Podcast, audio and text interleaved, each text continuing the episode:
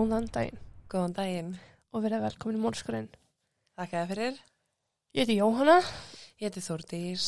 og rétt áður en ég vindi mér í málið alltaf ég er rétt að minna á Scrub Daddy Ísland kóðan okkar þar. Yep. Með kóðanum mórskurinn fárið 20% afslátt af öllum vörum. Mm -hmm. Geggjað fyrir jólasrifin. Já, sér hvað ég nefn ekki taka jólaþrifin. Ekki heldur.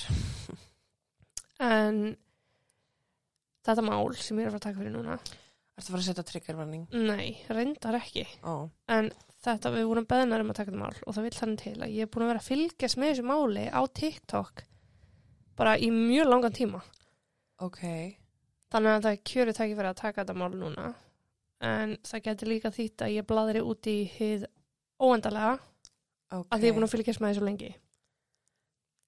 Þannig að ég er bara viðbúin. Ok, er þetta nýtt mál? Þetta er frekar nýtt mál, já. Oh shit. Ok.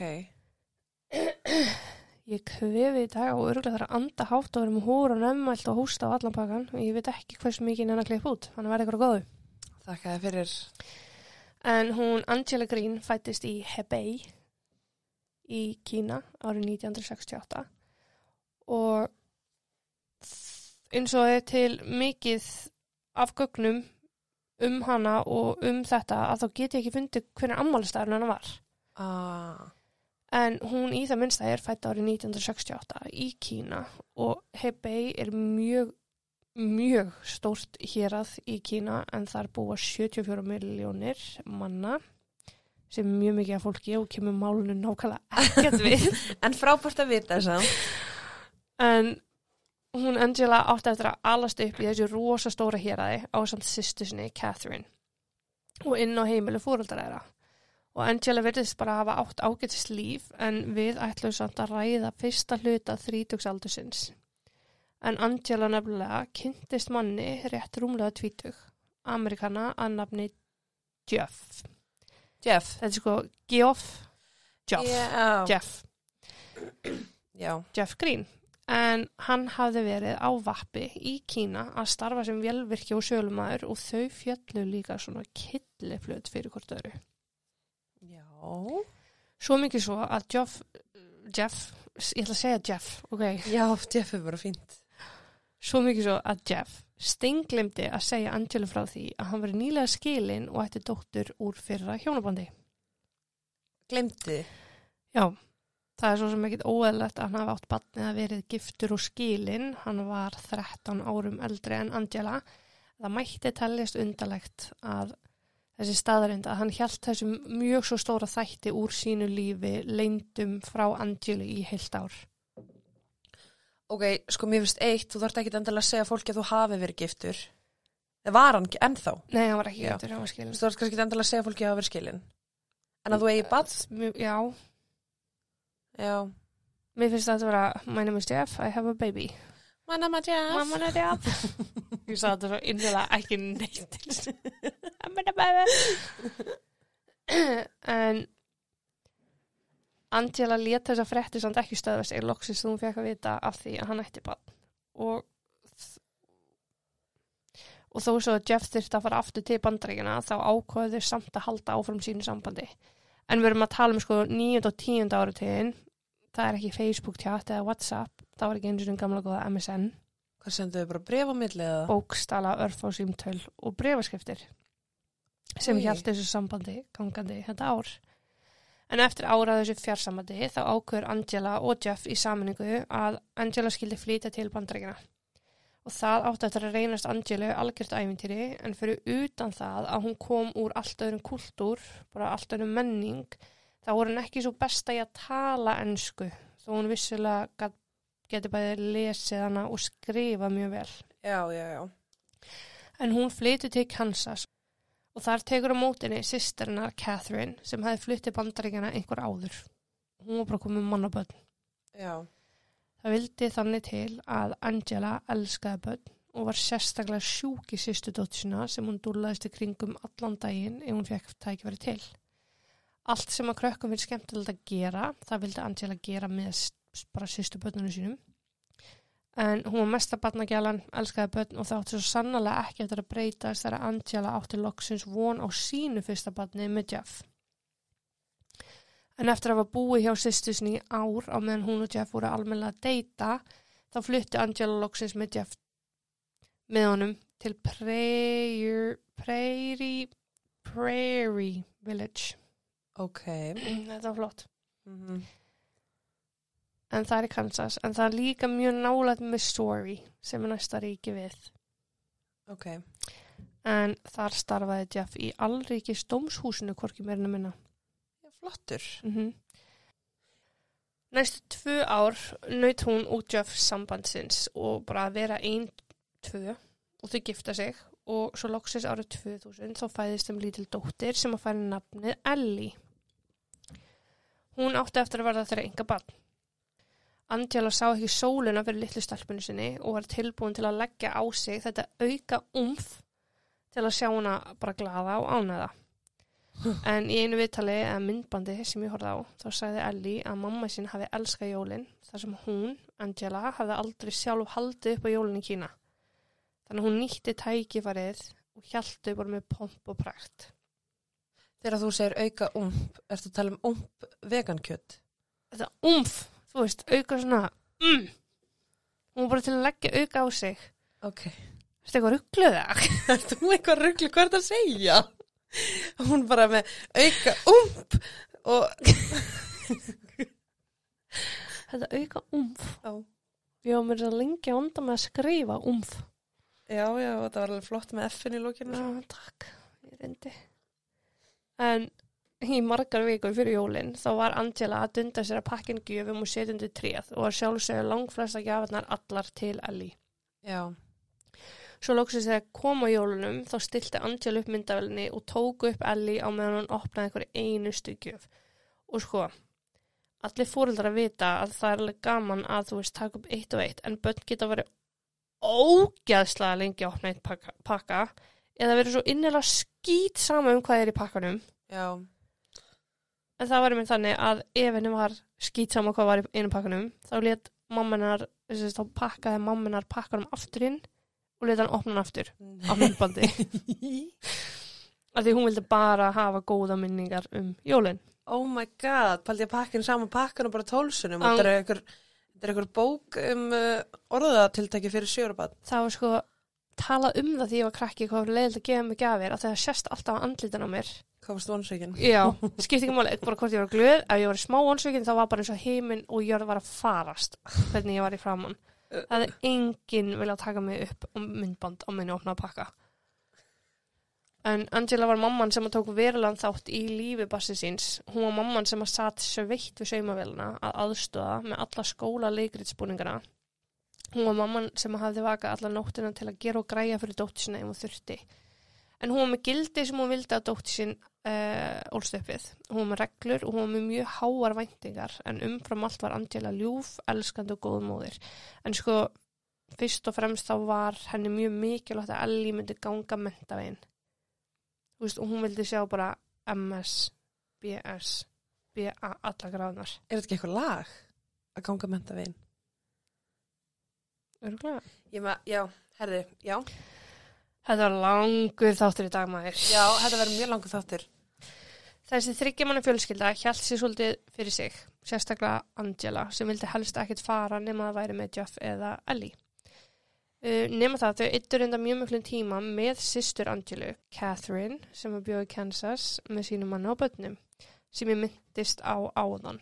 Og það var mjög gott þar á milli þar til að Ellie var tíu ára gömul, en þá fluttist Catherine með sinni fjölskyldu til New York, Frá honum, Kansas.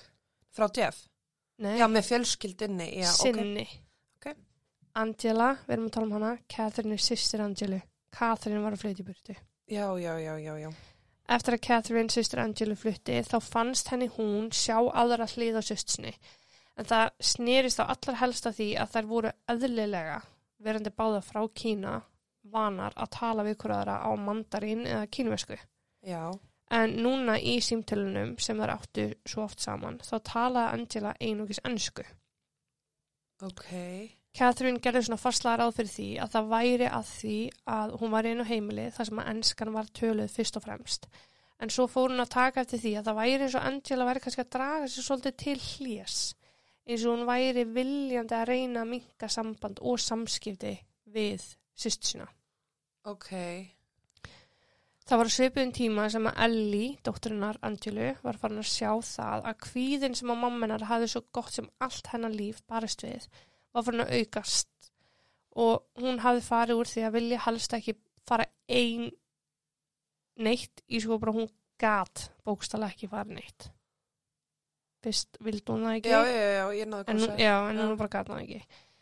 En hún gæti ekki séð það að mamma sem var óhamingju sem að neinu leiti. Samband hennar og pappinar var kannski verið svolítið flatt og ekki mikið verið að gera til að halda nistanum gangandi en ekkit sem að hringdi neinum aðvö viðvörunabjöllum. Ok. Eitthvað spurningar?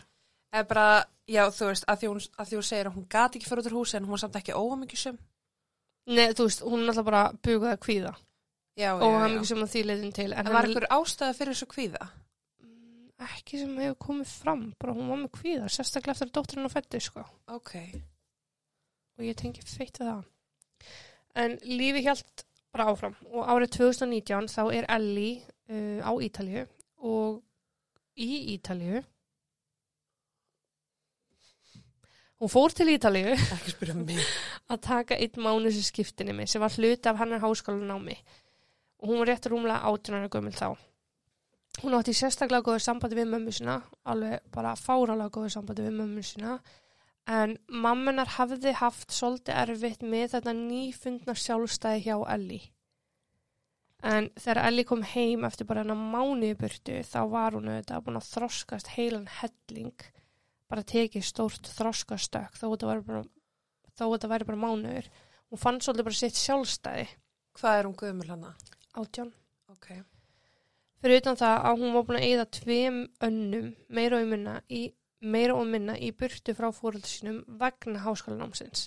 Þannig að hún var búin að vera veist, að þroskast bara í heilt ár Já. og Angela átti rosalega erfitt með þetta og eins og hún samglaði stóttu sinni að fá þetta tækifæri að og hún var bara mjög stolt af velgengninar það átti hún reglulega erfitt með það að Ellie þurfti bara ekki eins mikið á mömmu og pappa á að halda lengur. Já. Þegar Ellie kom heim að utan þá var hún ekki að sækjast eins mikið í það að vera heima eins og hún hafi gert. Sko sem bann erum við að tala um. Hún að tala um fullan konu og svo bann.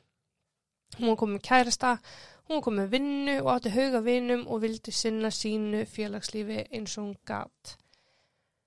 Ellie hafði klálega tekið eftir því að þetta tryggraði mömmunar að hún ætti erfitt með að aðlagast þessum breytingum og þetta fór í tauganar á Ellie sem fannst mamma sín bara vera svolítið uppátrengjandi. Bara svo gengur að gerist hjá úlingum Uh -huh. eða þú veist, ungu, fullandi fólki. Það 19. júni árið 2019, bara fjórum dögum eftir að Ellie kemur heim frá Ítalíu, þá fara þær maður að pleksa um nákvæmlega þetta. Að Ellie vilja aldrei vera heima veist, og þar fram með götturum. Og það enda með því að þær hnakkrýfast. Hnakkrýfast. Og að lokum þá lætur Angela dóttisinu vita það að hún sé ekki velkomin heim lengur. Já. Um, Ellie hefur talað um að þetta er eitthvað sem er oft gert í Kína. Þetta er gert, bönnum er kastað út til að, þú veist, læra með þetta. Hvað þau eiga. Já. Mm Þannig að Ellie er bara hent út. Mamman að segja við hana, you and I, we're done, we're over. Hún tekur því dót sitt og flytur inn á kærst sinn sakk og það er tekið mjög vel á mótinni. En það sem að gerist eftir það eru allt aðstæðir sem við þekkjum lítið sem ekkert. Þetta sést að gerast 19. júni 2019.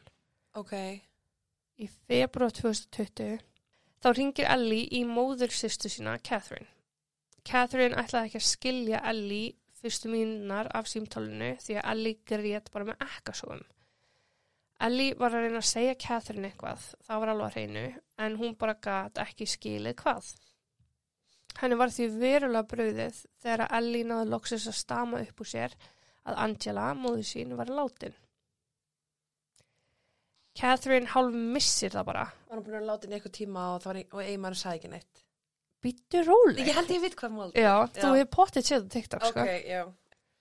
Catherine hálf missir það bara að heyra þessar fréttir og á meðan hún er að reyna að tala við Ellie til að skilja bara hvað eða kom fyrir, þá ringir henni línunni og það var Michelle Franka Ellie, sýstu dóttir Angelu sem ég meðal annars nefndi í upphafi málsins.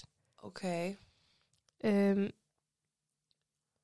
Catherine setur Ellie á byð í örskamastund til að láta dóttir sinna vita af því að Ellie sé á hinni línunni og hvaða fréttir hún hafi haft að færa.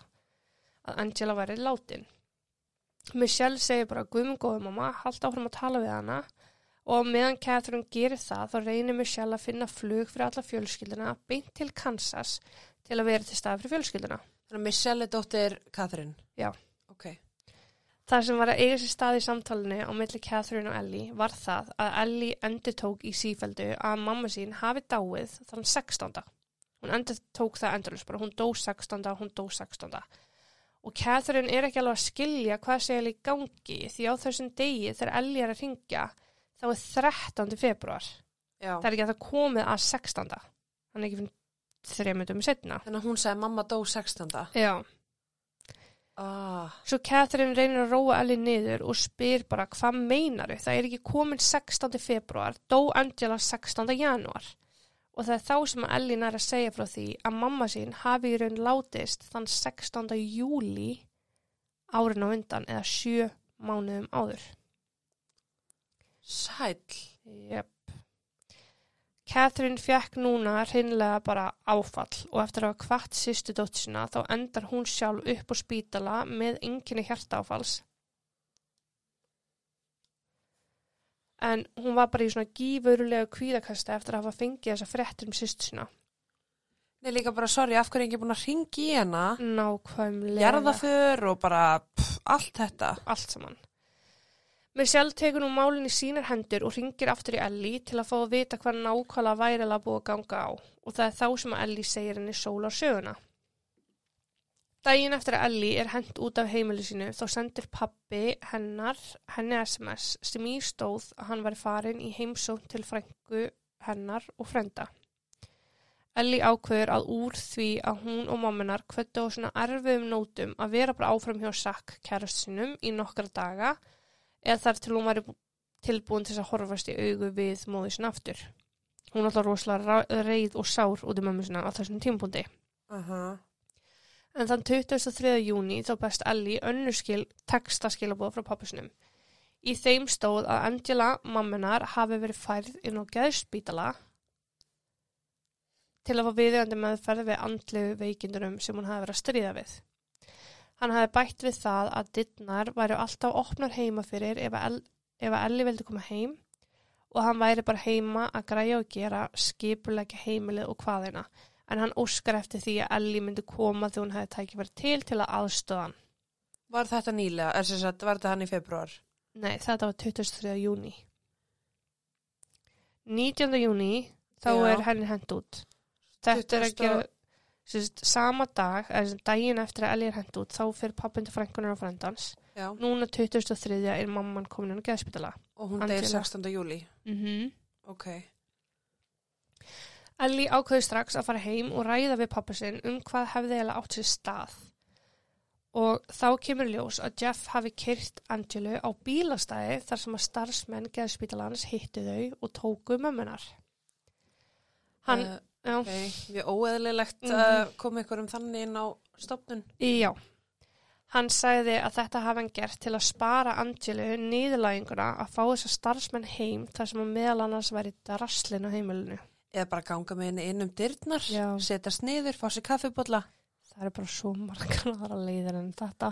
Aha. En Ellie var eðlilega steinhissa á þessu öllu saman og mammenar hefði alveg klálega átt erfitt andlegt, andlega til lengri tíma. Já. En hún hafði aldrei nokkuð tíma að sé ástæði til þess að kalla þenni hvítu í okkur bara myndi koma að sækja hana sko, og svift hana sjálfræði. Nei. Einni fannst henni hrikaleg tilhugsun að pappinar væri bara að fara í gegnum Dóta Angelu eins og hún væri bara aldrei að fara að koma aftur tilbaka. Já, hvað var hann bara að gefa og henda og... já, bara flokka- sortera og flokka, já. Ok. En pappinar hafði ekki lagt það í vani sinn að ljúa að henni, svo hún hafði í raun ekkert annað val en að bara aðstóðan, þegjandi hljóðlaust og vona bara að mamma sín væri að fá þá aðstóð sem hún þurfti. Já. Ég minna skiljanlega. Mm Það fóru að renna á hana tvær grímur samt þegar að Jeff var fór að segja henni að best væri bara að halda þessu á milli þeirra tveggja og ég raun skipar henni bara að það sé ekki bóði að segja Catherine, sýstir Angelu frá þessu. Að sýsti sín sé komin inn á geðstofnun. Já. Ok. Það átti ekki eftir að skána þegar Ellie sagðist vilja heimsækja mömmu sinna og Jeff sagði að það mætti ekki og ennþá verra þegar hann tilkendinni að hún mætti ekki einu svona ringja og aðtöða með hana. Hann sagði að þetta væri bara í bóði þegar hann sjálfur vissi meirum ástandi af henni. Já. Ugh. Ellie spyr þá bara, ok, getur þú komið til móts við mig einhvern veginn, má ég þá vita hvar hún er lögð inn? Hann er þá alltaf að fara að segja henni það. Og eina sem að Jeff segir er það að menninir hafi farið með hana down south eða suður eftir sem að getur þýtt ansi margir staðir. Hún reynir að veiða meiri upplýsingar um hvaða bílastæði hann hafi heila farið og fengið þessa menn til að hitta sig á og hann saði annars vegar Aldi bílastæðið, Aldi sem maturverslun og svo hins vegar Price Chopper sem er allt önnu verslun. Já, það er bara heimsending á, uh, Já. já, já.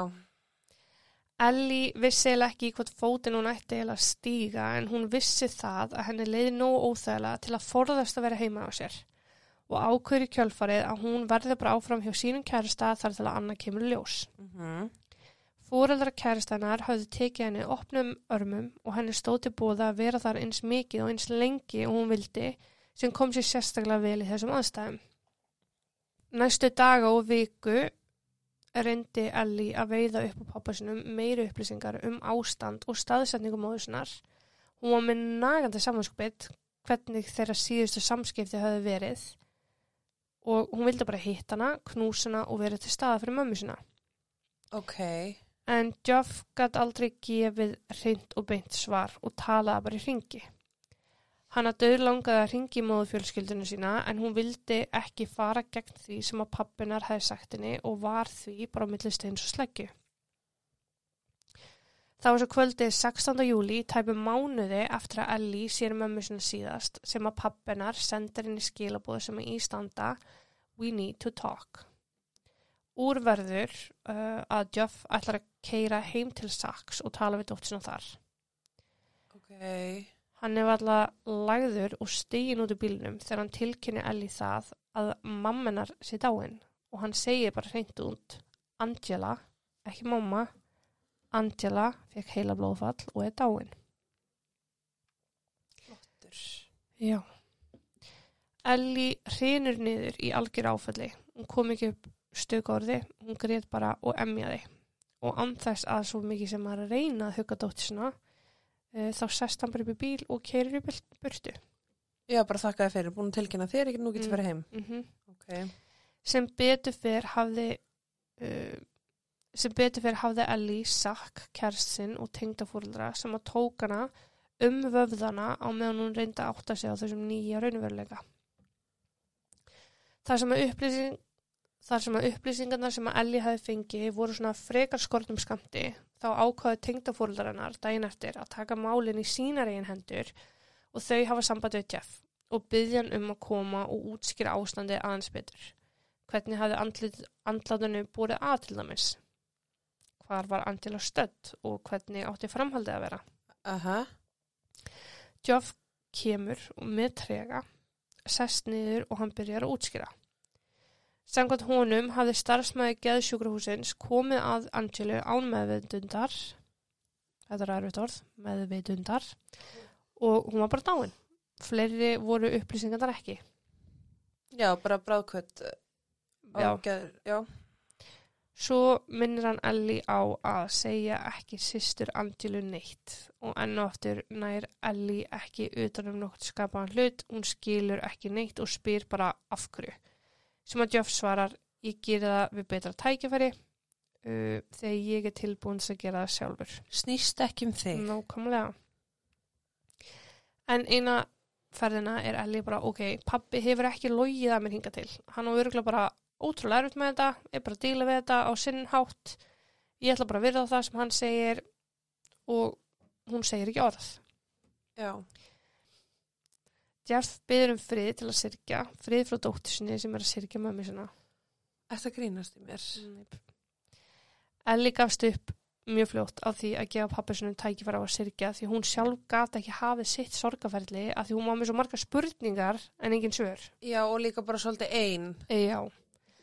Hún margar reyndi að ræða við pappa sinn, hvar dó hún, hvernig dó hún, hvar er hún núna, hvernig var þetta allt saman með starfsmenn sjúkrahúsins, hvar hittur þau, hvernig enda þetta svona.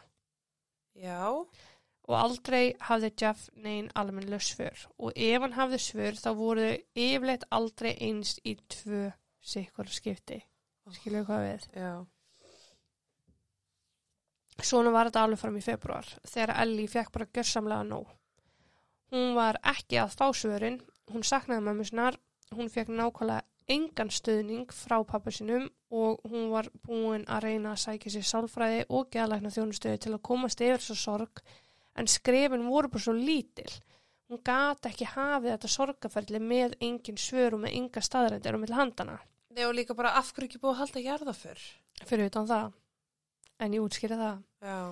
Pappinar hafði sagt sinni fjölskyldu frá því að Angela var í látin en Ellie mátti ekki segja móðu fjölskyldunni sinni þannig að hann var búið að tilkynna föðu fjölskyldunni að Angela var í dáin en Catherine mátti ekki vita Já, I wonder why. mm þetta fannst henni Ellie ekki gangi lengur og hún ákveður þennan dag 13. februar að taka af skarið og ringja og núna loksins þegar Ellie var búin að útskýra alla sólasöguna þá fara Catherine og Michelle frængurinnar að hugsa og hugsa og það er bara stanslaust símasamband næsta sólarringin. Já. Catherine átti sig á því að hún er raunverulega ekki búin að tala við sýstusina í síma eða almennt yfir höfuð síðan einhvern tíman um sumarið 2019. Mér finnst það líka skrítar jól og eitthvað. Er ekki eitthvað svona... Já, en það var búið að vera stig magnast þarna að hún var að draga sig í hlýja. Já. Þú veist, meina þá er... 2010 flytjaði burtu 2019, það er nýja ára, það getur verið er að segja, styrt. ég algjörlega sko, en ég meina þá er með tíminn kannski til þess að laga þessa styrð. Alveg, já, klárlega, sko. En hún hafði reynd að ringja í nokkuð skipti en hún hafði aldrei fengið svar og hún bara gafst upp. Já. Michelle frænka Ellie er lögmaður og hún veit ansi margt og hún sér strax að það vantar að slatta við upplýsingum og hún fer að spyrja Ellie hvar og hvenar var minningratöfnin hennar eða jarðaförin. Uh -huh. Ellie svarar það var aldrei haldin eitt slíkt. Það var náttúrulega bara rautt flagg. Já. Vegna þess að hvar er líkið? Einmitt. Næsta rauðaflagg var frásagnin um kallana sem að sóttu Angela á bílastæðið því eins og Michelle sagði ef Angela var raunverulega í hættu eða hættulega öðrum þá hefði hún aldrei verið sótt viljandi á bílastæðið þar sem að aðrir almennir borgarar eru stattir Uh -huh. þar sem hún hefði mögulega geta orðið þeim eða sjálfur sér að skada fyrir framann almenna borgara. Uh -huh. þá er ekki sjans að hægt sé að sækja einstakling án allra dóms útskurða, útskurða. einhver þarf að dæma svo að Angela Þú þa þarft að svifta. já nákvæmlega, þá Já. þarf einhver einn að sækjum þá og einhver annar að dæma um þá og svo þarf, þú veist, Uh -huh. þetta gerist ekki á nú leitni sko. þetta, veist, þetta, þetta Getur getur aldrei- ekki farið svona fram Getur aldrei lagt fram, eða veist, lagt fólk inn gegn þeirra vilja. nei, Nema einmitt Já. en þar sem að þær voru ekki með nafnstofnunarinnar sem að Angela átti að hafa verið á þá var Mm. ómögulegt að sækja þessar upplýsingar hvort það hefði verið gögnum að hún hafi verið svift sjálfræði til dæmis Ok, en það er samt þetta bara að skoða það, sem sagt, mm -hmm, augnum bleik ok. það alvarlegasta kannski er það að þegar Michelle spyr Ellie út í dánavottar Angelu þá segist Ellie aldrei hafa síðan eitt slíkt. Uh, Michelle minnist aftur í jarðaföruna og Ellie segir að pappi sinn hafi fengið einhvert fyrirtæki til að sjá um lík brennsluna en að hann hafi fengið en að hann hafi greitt í peningum og þess vegna sé hann ekki með kvittinu eða neitt. Hvaðan líkbrennslan var framkvæmt Fyrir ekki, en þú veist, á svæðinu sem við búa, þau hlýtur að fara bara í nálaðast að, kannski eru svona tíu sem komið til greina. Já, Hversu margar líkbrennslur er í bæniðinum? Já, þetta er náttúrulega svolítið öðru í þessu bandaríkjunum, það þú veist. Já, en ég minna, veist, af hverju ætti maðurinn að fara að keira eitthvað yfir fylki til að láta brenna konuna sinna? Hann náttúrulega var ekki að fara með konuna, sko.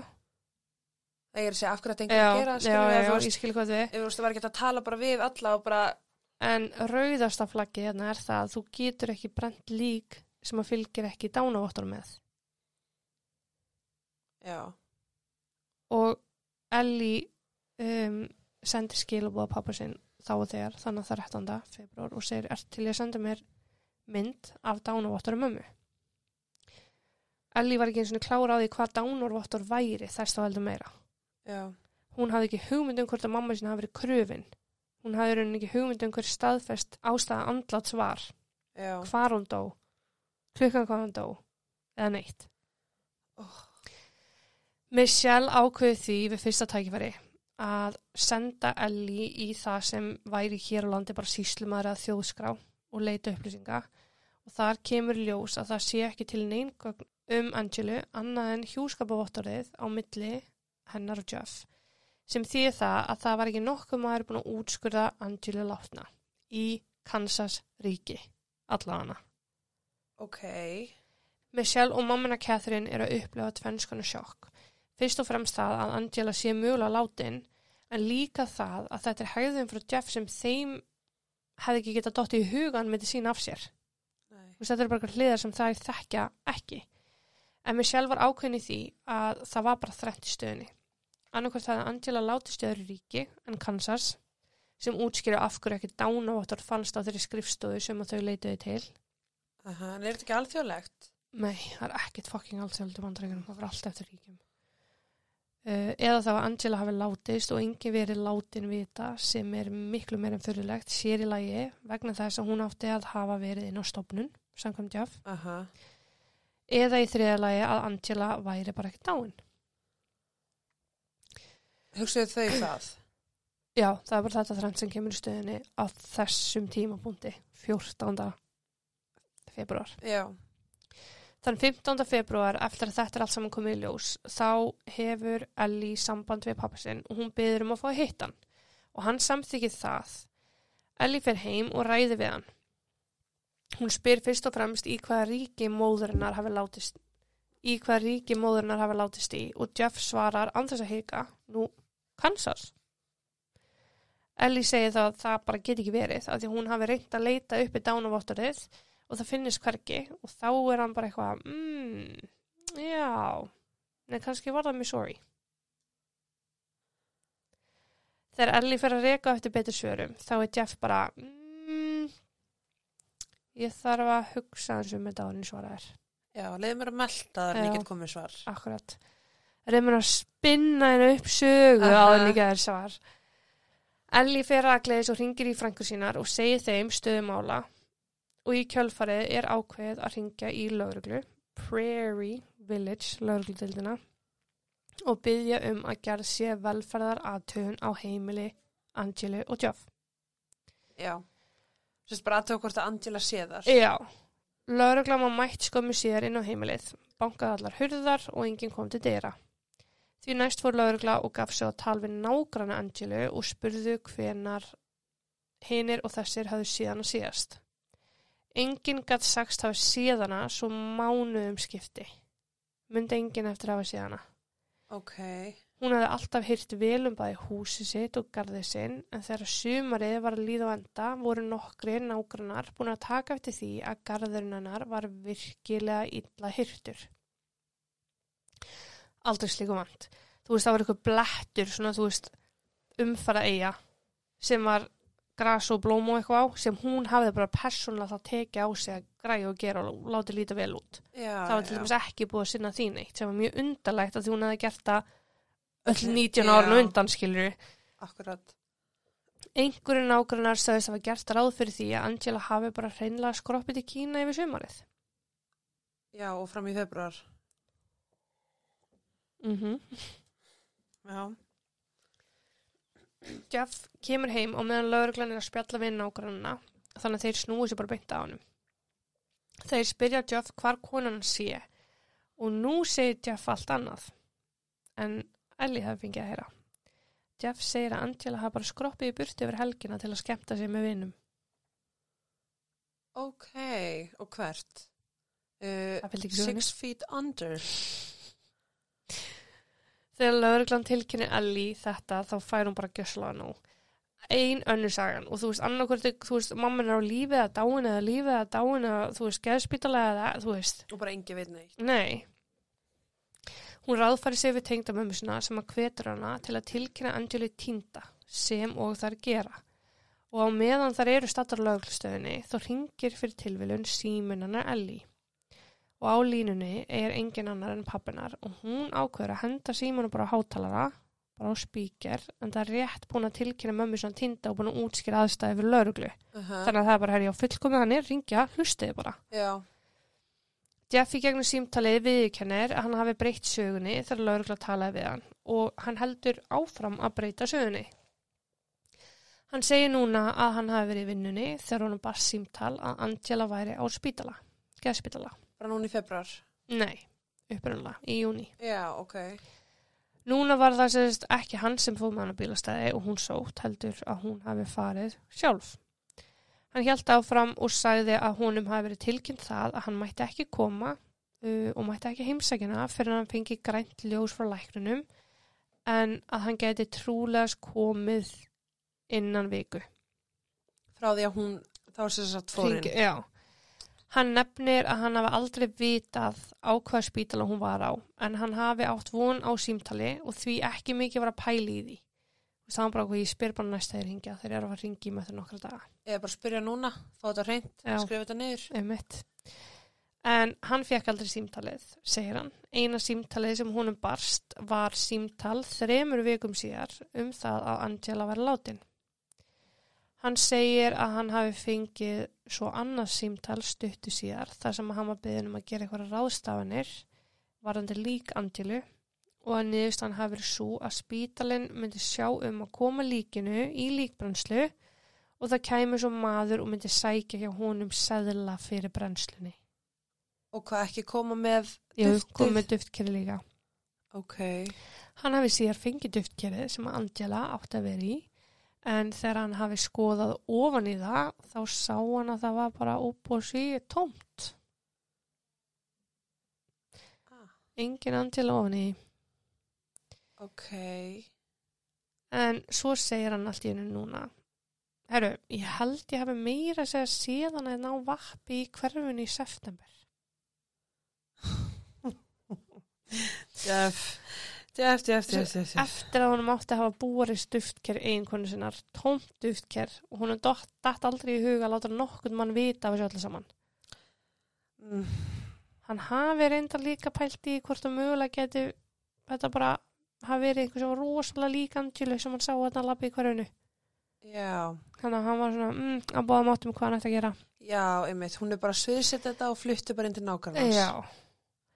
Hann held áfram og sagði nú að stundum þegar hann kem heim þá fyndist honum eins og ykkur hafi verið inn í húsinu. Opna skúffur hér og og Oh my hlutinni voru ekki eins og hann skildi við þá og fótspor út um allt gólf sem hann vissi hann hefði ekki skilja eftir sjálfur. Hann er basically að segja hún er á lífi, hún lit sig hverfa, hún er að sviðsett þetta. mm en sko, þú veist, hún fór sjálf spítala. Nei, hann fór með hann spítala svo dó hún, nei, ég, fyrir ekki, ég fór með hann spítala svo dó hún. Nei, fyrir ekki, hún fór í djamferð. já, alveg rétt, já, og svo var hann alltaf labbað í göttunni Já. eftir að hún kom heim í Og svo er að ásækjan, bara, núna er Og hún bara í fullu fjöri heima. Þannig að þú veist er hún á lífi eða? Þú veist, er hún ekki á lífi? Þú veist, það, er, það er ekkert svar hérna. Nefnir líka bara myndir þá ekki vilja finna kona en ef hún væri, Jú, já,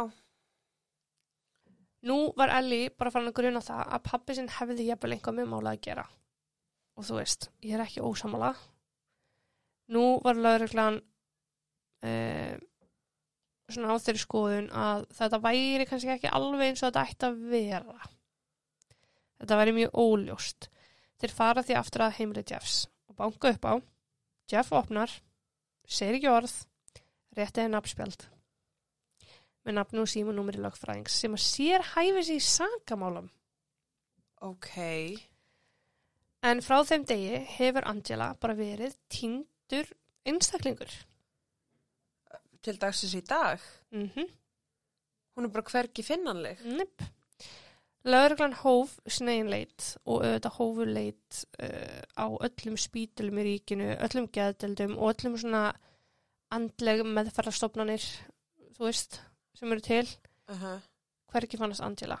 Engin myndi eftir nittni konu sem að stemdi við hennar lýsingu. 51 árs gömul kona af asískum uppruna. Já. Ákveðið var að skoða hvort hún hefði mögulega geta farið bara aftur til Kína en það var bara ekki nokkur leið til þess að það hafi gengið af því að lögreglan leita af sér allan vafa hvað það var það með því að fá Homeland Security með sér í það. Þannig að þeir fengu bara Homeland Security með sér í að skoða öll gögn og alla skrár hvort að hún hefði mögulega geta leinst einhvers þar á milli. Já. Það var ekki séns. Það þurfti almennt að skoða þannig möguleika að Angela hafi bara látið sér hverfa eins og alltaf. Þarf alltaf að það. Já. En Ellie og frængum hennar fannst það bara af og frá ekki séns. Af því að Angela elskaði engan eins og dóttisina. Hún Mhm. hefði aldrei látið sér hverfa sísona. Fyrir utan það að Angela hefði aldrei stopnað bankareikning síðan hún flutti til bandarækjana að þú, þú veist það voru engin gögnum hún hafi gert það eftir hvarf sitt. Já, líka hefði, ef hún hefði látið sig hverfa sjálf viljug, bara út á kvíða og þungliti, Já. hefði Jeff þá ekki bara sagt það? Já. Eða er það vandraðalegra, vill hann kannski ekki, þú veist, Nei, enga eins og. segja, þú Það er eitthvað meira að baki, 100%. Já, ég er að segja það, þú veist, þetta er ekki, eða skilur maður kannski svona, stundum að maður kannski bara brotin og vill ekki viðkynna að það var verið að yfirgefa mann eða eitthvað, Mm. en mm, þú En sko- myndir samt alveg, þú veist, Við erum samt að tala um konu bara, ok, það búið staðfest að hún hafi ekki flóið neitt. Veist, hún, hún fór ekki neitt. Konan har ekki bankareikning, hún er ekki búin að vinna í 20 og eitthvað ár. já, Þetta er ekki einstaklega sem að hleypi beint að beint, út að vinn atvinnumarkaðin og fari bara svarta peninga og fer að lifa lífinu, sko. nei, Þetta er konin sem hefur þurft að reyða sig á manni sinn og fjölskyldu sína alltaf. uh -huh. veist, það er alveg einhver sem er að hugsta það. Ég er alveg að hugsta þetta, en ég veit samt að þetta er ekki rétt, en þú veist,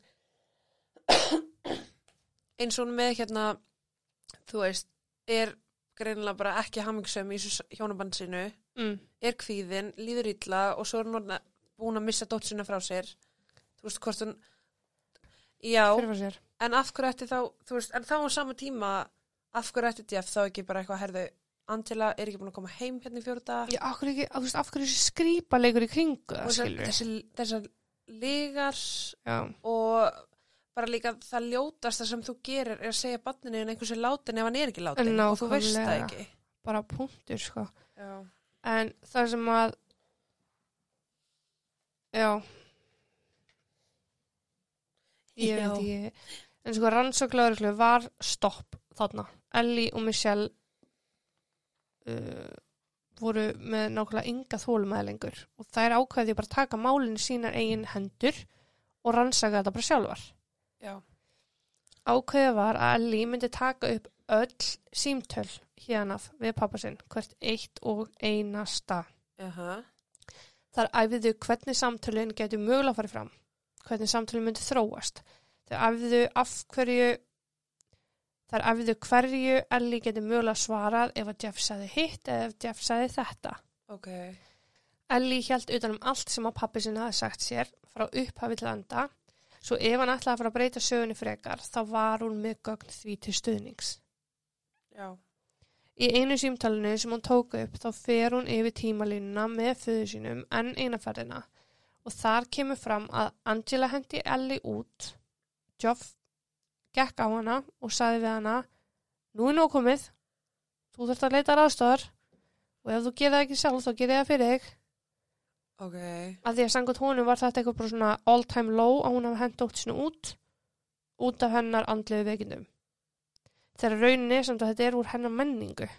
já, en líka bara, já já, En hann sagðist ekki muna hvenar nákvæmlega hann sá hana síðast í þessu símtali, sérst hvað dag hún hefði farið. Uh, hún, hann gæti ekki muna hvort hún hefði farið fyrir 4. júli eða eftir 4. júli. En Angela var alltaf vön að flagga ameríska fánunum 4. júli og sangat nákvæmum hennar þá var flaggaði heila stöng þetta sumar, 4. júli en sama svæði og hún dró fánan upp var mjög illa hyrt sem var mjög ólíkt Angelu. Hún hefði aldrei dreigið fánan upp með illa hyrtan garð. Ok, þannig að einhver annar hefur þá gert það. Dreigið fánan upp. Já. Það er hugmyndin, skiljið. Já, já, það er það sem mögulega gekk á. Annað sem er líka undarlegt við þetta er að sko 19. þá segir hann að mamminar hafi farið og leitt sér aðstöðar og skiptinu skoðun hana en núna alltaf veit hann ekki hvernig hann sá hana hvort það veri fyrir 4. júli eða eftir 4. júli hvað Já. gerðist það millir 19. og 4. Já. Ellie dregur í Eva allar ákvarðanir Jeffs þetta sumar sem að mammana hverf. Því að hennar sögn er hann mjög smámunasamur hann vill vera með allt upp á tíu og með allt á hreinu en allt í henni kringu þetta þá er hann svona svakalega kærlus hann man ekki neitt, hann veit ekki neitt. Hún minnist á hversu grunnsalegt það sé að hann hafi bara rétt lögruglu nafnspjald með upplýsingur lögmanns. En Jeff segð, sagði hann gerði það bara að því að það er það sem að fólki er kent að gera. Nánustu aðstandendur eru yfirleitt alltaf undir grunn þar til annað kemur ljós. Uh. Aha. Í símtalið sem þau áttu nokkru, nokkrum dögum síðar tala Jeff um það að lauruglan sé að reyna að fá hana með sér lið og upp á móti honum. Eins og lauruglan gerir alltaf að því að hann liggur fyrstur undir grunn sem eiginmaðurinnar, segir hann. Uh Hann sannfæri dóttir sinni um að þetta sé ekki í fyrsta skipti sem að mamminar hefur gert einhvað svona en neytar að útskýra það frekar. En það stangast gjössala á við upplifun Ellie úr æsku að því hún man ekki eftir neinu augnabliki þar sem að mammina tók upp á einhverju Það bara stinga af og Já. láta ekki sjá sig í áttamáni. nákvæmlega. Ellie rekur ofan í Jeff hvernig ósköpunum hann færa að því, hvernig hún ætti að hafa farað að því að láta sig hverfa eins og hann var að raun að gefa skinn, gefa í skinn sér er lagi því hún hefur aldrei unnið eins og ég var að segja á hann Uh og þá segir Jeff allt í hennu herri hún er með unnu Og hvar? Hvar er kona með vinnu? og Ellie fyrir lauruglunar með þessu upplýsingar. Og lauruglan gerir bara mjög mikla rannsókn á því hvort hún gæti mögulega hafa fengið sér vinnu og það var auðvitað bara alls ekki og þegar þetta kemur ljós og Ellie segir Jeff frá þessu þá er hann bara eitthvað nú, ég held hún var með vinnu jæja, kannski á hún einhvern vin sem að hjálpa henni Já. en til þess að taka það fram sem við erum að tala um það, hún ringir í frængu sína 13. februar símtalið sem ég er að fara að segja frá núna gerir sann 22. februar þannig að allt þetta sem við erum búin að fara yfir er að gera sann nýju dögum Sæll, ok. Þann 20. februar ringir Ellie í pappa sinn enn einu sinni og segist ekki trúa orði af því sem hann segir.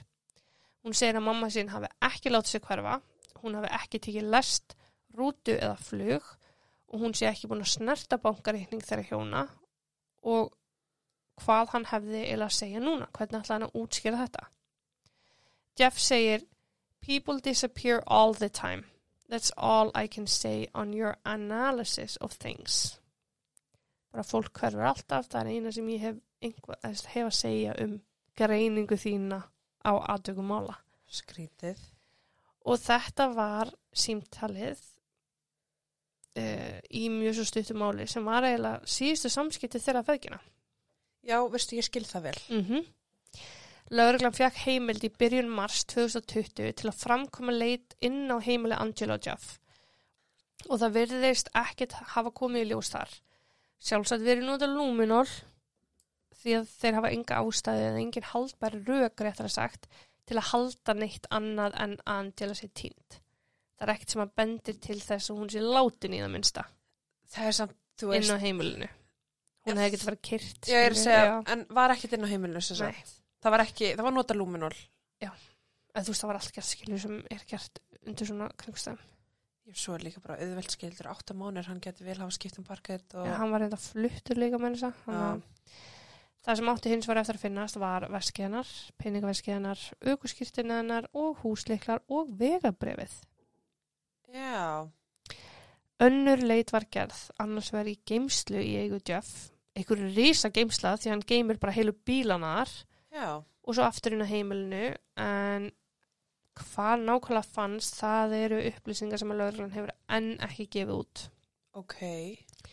Það er búið að framkoma leitar á stórum svæðum, opnum svæðum, skólandi, ofan í tjötnum, ofan í vötnum og þeir, þeir hafa bara leitað og leitað og leitað og reynda að leita fyrir allan grunn, lögreglan. En hinga til er ekkert vita hvað nákvæmlega varð af Angelu.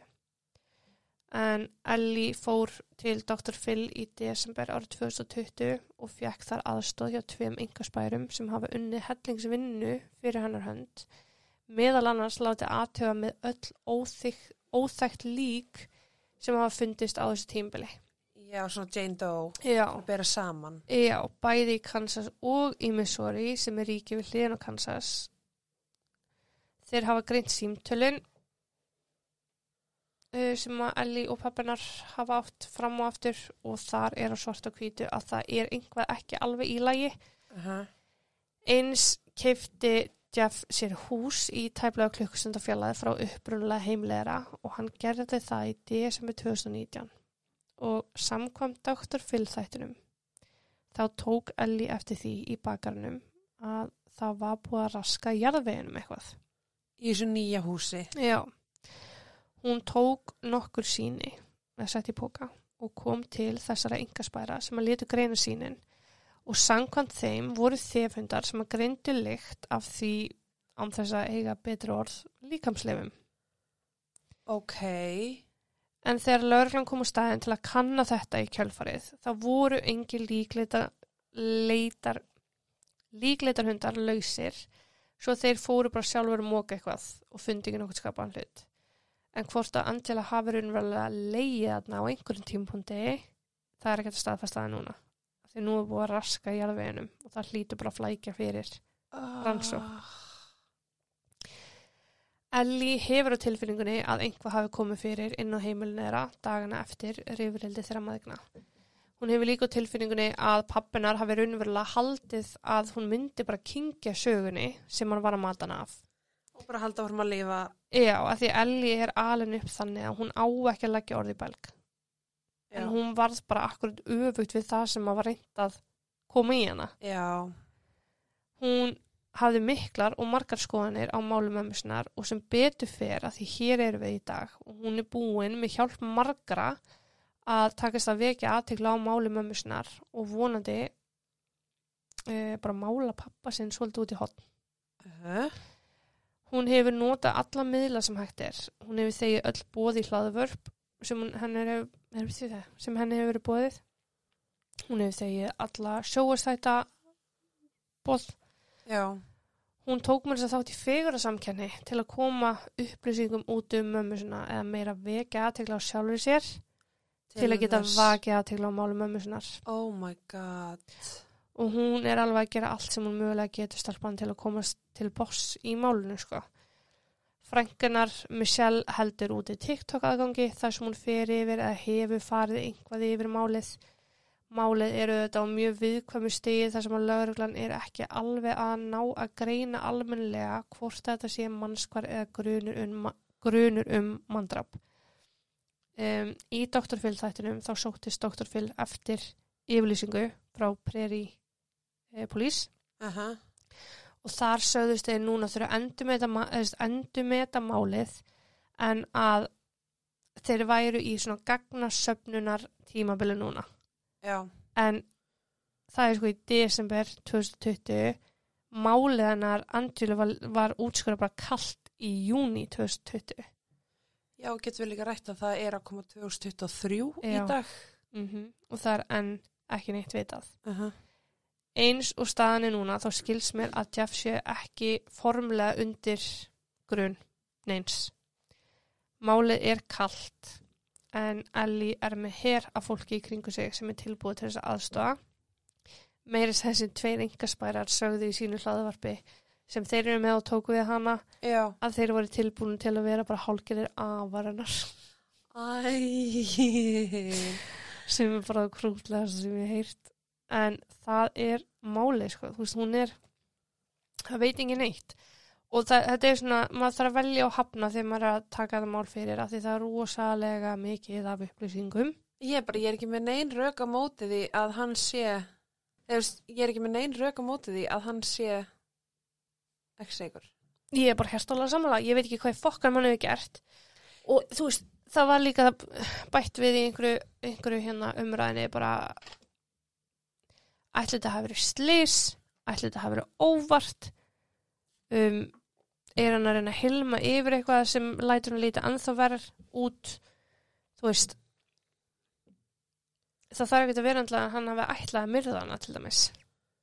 Já, líka bara, sko, ef hún er dáin, skilur já, en þú veist, eins erfitt og þetta er að það eru liðnir, hvað, eitthvað sjö mánuðir frá því að, þannig að já, þessi strinn frá því að heyrðu stíni síðast og Já. þar til að hennar Elli hringdi í systur hennar. já, Á sjö mánuðum getur þau keirt ansi langt og losaði við ansi mikið að dóti, sko. mhm Þú veist, það er ekki eins og lörgla sé að fylgjast með þér einhver tínist og liður vika og það er verið að trakka þig. Þetta eru sjö mánuðir sem hann hefur til að hann algjörlega getur, hann getur þess að tekið bara í búta, í búta Mhm. og bara eitt búti veist, og um og mun sko. aldrei, Nipp.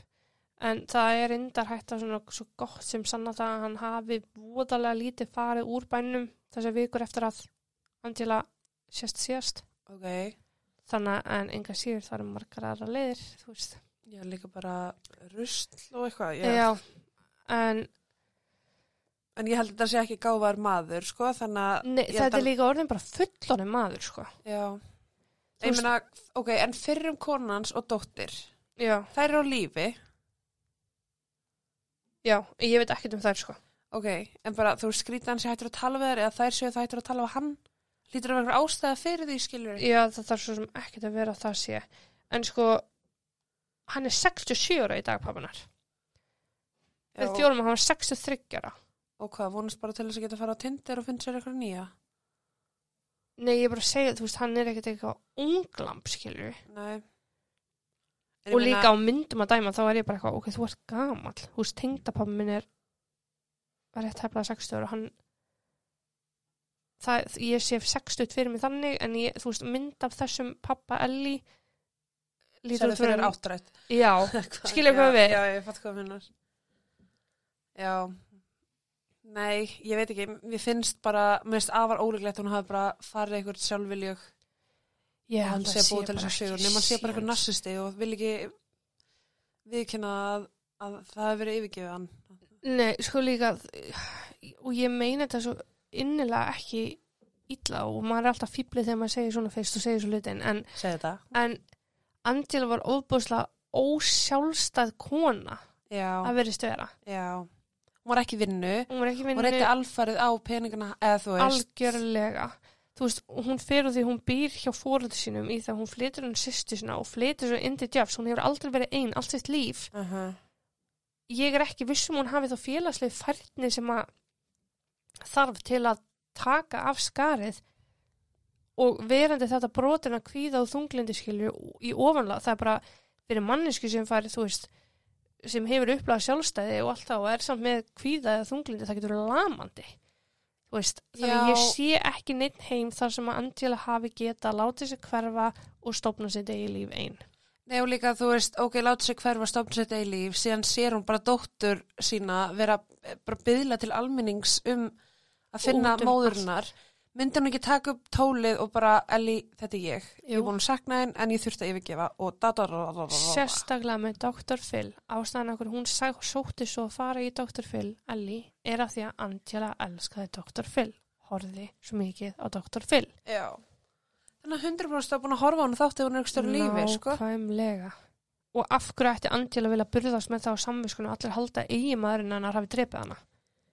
Já. Fyrir utan það að skilja batnið sitt eftir eitthvað skilju. Já. Nei, ég, ég held að þetta sé svolítið borlegjandi, sko. Mér var þetta að lígar hjá honum. Ég bara, ó. Já, ég held að sé ekki, þú veist, þetta er of, þú veist, ok, ef eitt stemmir ekki grunnsalegt, en þetta er orðið trekki, trekki, trekki, trekki og þetta breytist fram og tilbaka, aftur og Mhm. baka áfram, endalaust, Mm það er bara ekki sens. Nei. En þetta mál er orðið ansi langt, ég hérna kem til og með, ég setur ekki stóri á Instagram með eitthvað TikTok aðgangin hjá, hjá, sýst, sýst hjá frængunar, Já. Michelle. Sko, mér skilst að út af því að máli er eitthvað svona viðkomið stíð að það sé búið að taka hinar þessar upplýsingar af TikTok aðgangunum Já, og ekki verið að segja frá málunu eins og það var kannski er fyrir ári síðan. Já þetta er náttúrulega bara ennþá máli rannsók. Já, þannig að það er búið að ráðleika þeim að segja ekki hitt og segja ekki þetta. Ég reyndi að nota heimildir sem að komi beint frá Elli. Já, Um, við vonum það að, að það sé ekki að fara yfir strikið hjá ekki það að þau sé einhvern tímann að fara að vita að einhverju íslensku podcasti að taka máskilju. hlusta. Nei, já, en maður vill samt alltaf bera virðingu fyrir Já, aðstandandum, skilju. algjörlega sko. Það er hérna og vonandi tala ég ekki að mér og segja eitthvað sem að fjölskyldan kæri segja ekki um að sé verið að ræða en þetta er allavega þannig. Ég hérna já, hendi því í stóri á Instagram og einhverju myndir á Instagram og Facebook líka. Yes. En þar til þá, svo segi ég bara takk fyrir mig í dag og take a bless. Take a bless.